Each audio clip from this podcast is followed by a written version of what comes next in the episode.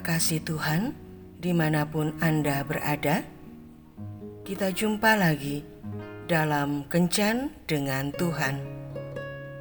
Edisi Rabu 4 Oktober 2023 Dalam Kencan kita kali ini, kita akan merenungkan bacaan dari 1 Samuel bab 17 ayat 36 baik singa maupun beruang, telah dihajar oleh hambamu ini.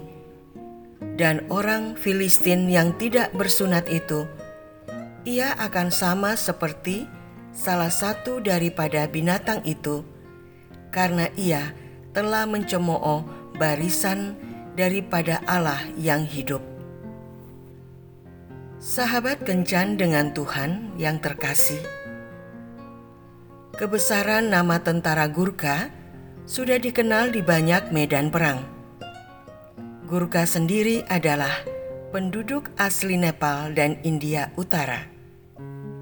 Brigade Gurkha dikenal dengan kemampuan berperang mereka yang alamiah, agresif di medan pertempuran, tidak takut mati, loyalitas tinggi, tahan dalam berbagai medan, fisik yang kuat, dan pekerja keras.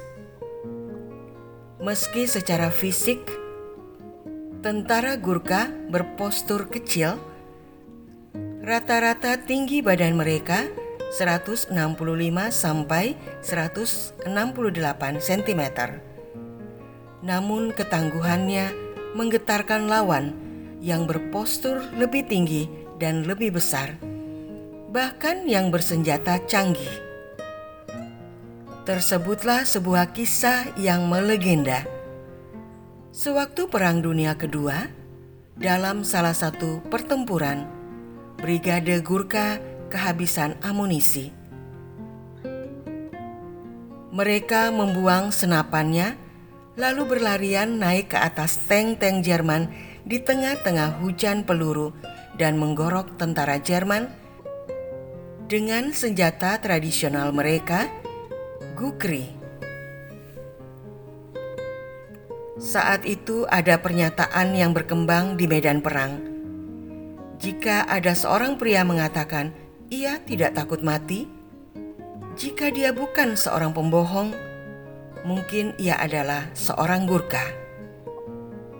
Sebuah pernyataan luar biasa yang menggambarkan keberanian pasukan mungil ini Daud adalah seorang pemuda belia dengan paras kemerah-merahan. Ia sama sekali belum pernah menginjak medan pertempuran. Pengalaman perang tertingginya justru bukan melawan manusia, melainkan melawan binatang buas yang hendak memangsa kambing domba milik ayahnya. Ia tidak terima ketika Goliat berkoar-koar menantang barisan perang bangsa Israel. Di saat kakak-kakaknya dan prajurit Israel lainnya tidak berani menghadapi Goliat, Daud menawarkan diri untuk menghadapinya.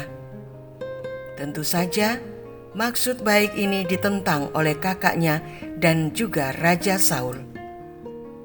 Namun keberanian Daud berhasil membungkam Goliat pahlawan perang Filistin yang tingginya enam hasta sejengkal atau lebih kurang tiga meter.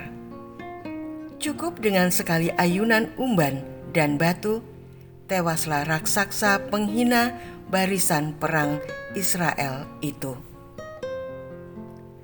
Tahukah kita bahwa untuk setiap kekurangan yang kita miliki, Tuhan selalu memunculkan kekuatan yang lain.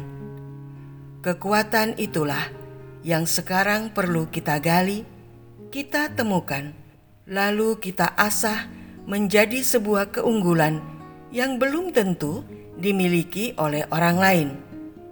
Banyaknya talenta tidak menjamin seseorang memenangkan pertandingan kehidupan dengan mudah. Semuanya ditentukan oleh kerja keras, keberanian, dan semangat juang yang hebat. Jangan terlalu cepat menyerah sebelum kita memulainya. Sebaliknya, banyaknya kelemahan yang kita miliki justru menjadi skenario terbaik bagi Tuhan untuk mendemonstrasikan kuasanya. Bukankah itu yang dikatakan Tuhan dalam firman-Nya?